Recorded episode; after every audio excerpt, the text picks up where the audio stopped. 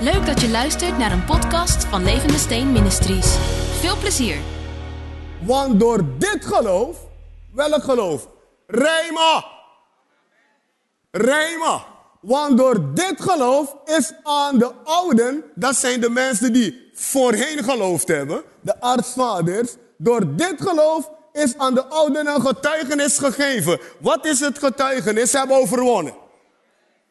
En hoe hebben ze overwonnen? Door dit geloof.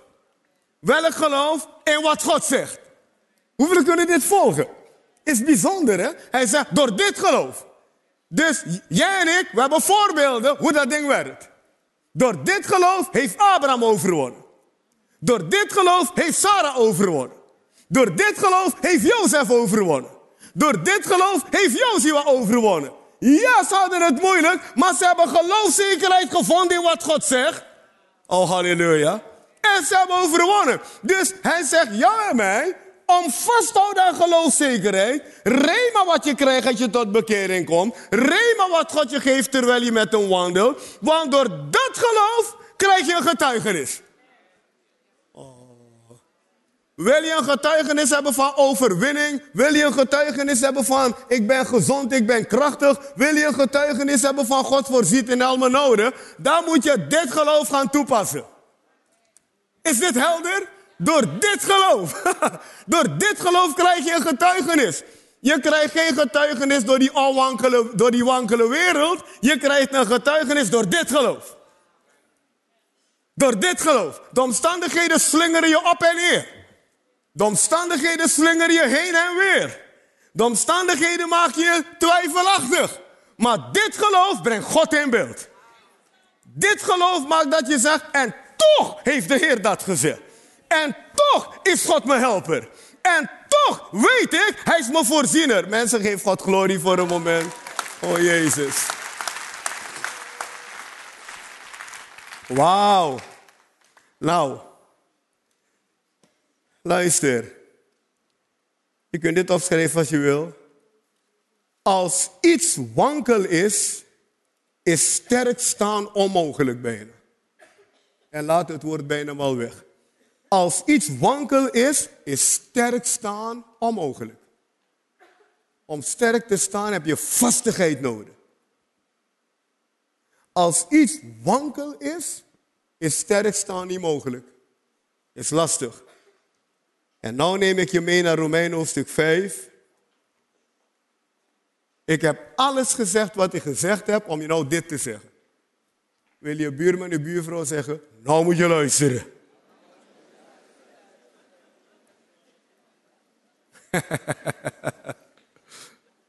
Luister, wat ik u preek, breng ik ook in praktijk in mijn leven. Ik moet je zeggen, als ik geen zekerheid in God kan vinden, slinger dit leven me links en rechts. Als ik niet me richt op de Heer Jezus, word ik heen en weer op en neer geslingerd. Hoeveel weten waar ik over praat? Ja. En als je bent net als ik, dan weet ik dat het bij jou ook zo is. Als je niet meer weet waar je naartoe te keren, kijk naar Jezus.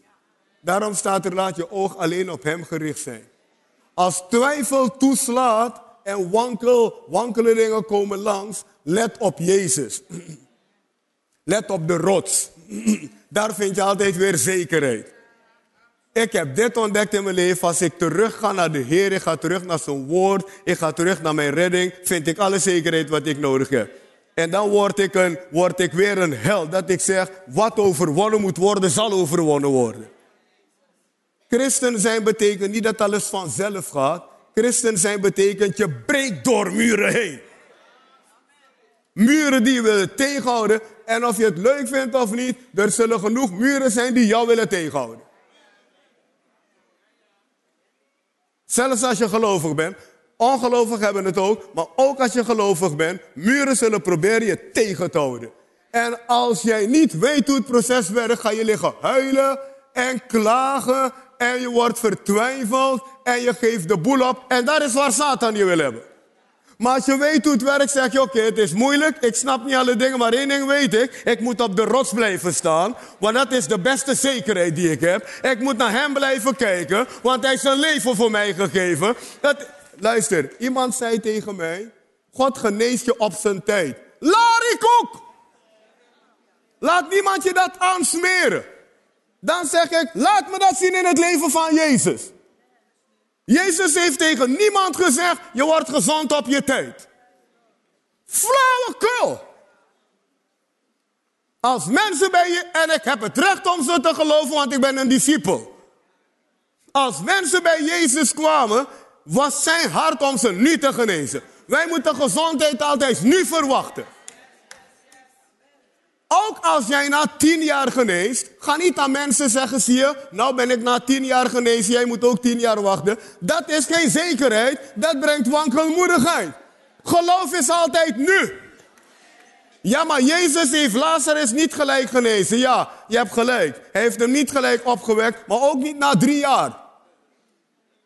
Het waren drie, drie of vier dagen.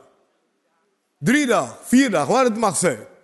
Dus maak geen wet daarvan van, zie je, ik, ik zie meer in de Bijbel dat het alle minuut gebeurde.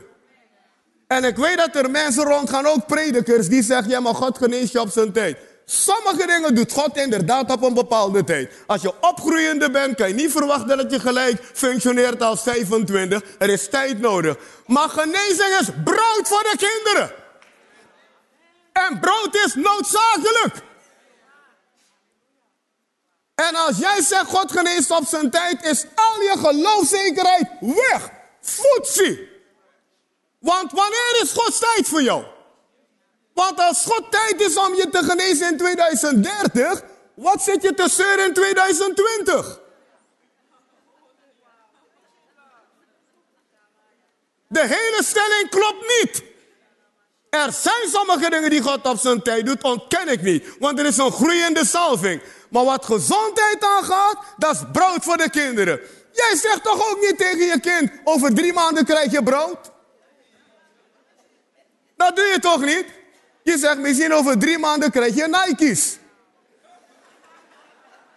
Begrijp wat ik bedoel? Over drie maanden krijg je een kledingkast. Over drie maanden krijg je je snor. Ja, dat is, dat ook een soort scooter. Dat, uh.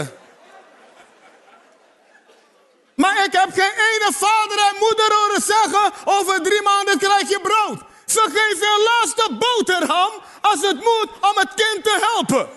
En Jezus zegt, genezing is brood voor de kinderen. Geef de glorie, man. Flauwekulprediking. Flauwekulprediking. Jij moet op Gods wachten om je te genezen. Laat dit misschien dan bij Jezus. Hij heeft niemand gezegd, wacht even. Niemand. De melaatse, terwijl ze gaan, worden ze gezond. Niet over 30 jaar, diezelfde dag. God wil brood nu aan ons geven. Wij moeten ons theologie recht houden, anders kunnen we niet overwinnen. Zelfs als ik dingen zie die ik niet begrijp. Sommige dingen doen pijn. Als dat God is, gooi je Bijbel maar in de open hart, want alle zekerheid is weg. En ik spreek tot jonge mensen vandaag. Houd je vast aan wat God zegt.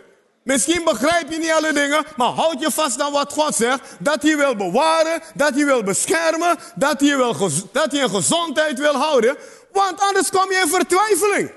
En ik hoor jonge mensen al praten. Ja, maar als het bij haar is gebeurd, kan het toch bij mij ook gebeuren? En sommige predikers zeggen, waarom niet bij jou? Flauwekul! God wil dat je gelooft in je erfenis. God wil dat je gelooft in het is volbracht. En God brengt je niet in onzekerheid. Hij geeft je een onwankelbaar koninkrijk. Dingen zijn moeilijk en dingen doen pijn. Dat ontken ik niet. Maar ik moet bij de theologie van God blijven. Ik moet op die rots blijven staan. Anders zijn we alles kwijt. En gaat de duivel aan de loop met je. Je hebt geen zekerheid meer. Je wordt depressief. Je wordt negatief. Je kan God niet meer loven en prijzen. Dat is wat er gaat gebeuren. En ik weet dat er hier mensen zijn die zeggen, ik weet waar die man over praat. De dingen die om je heen gebeuren, zijn allemaal dingen om je te shaken. Om je weg te halen bij de rots. Maar je moet op de rots blijven staan en met z'n allen zeggen, er moet een weg zijn dat niet wij in gedonder komen, maar de vijand in gedonder komt. Alleen mensen die zo hebben geloofd, hebben doorbraak gekregen. Alleen mensen die dit hebben vastgehouden op deze wijze, zijn door dingen heen gebroken. Alleen mensen die zeiden, uw woord is de waarheid en daar kan niks tussen komen, zijn doorgebroken. Wij moeten doorbreken. Niet alleen in Nederland, wereldwijd moet het evangelie doorbreken.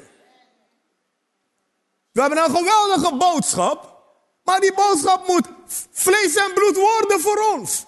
Kan ik gaan met horen, mensen?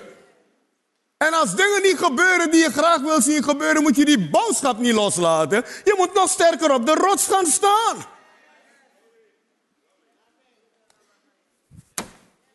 We gaan naar Romein hoofdstuk 5.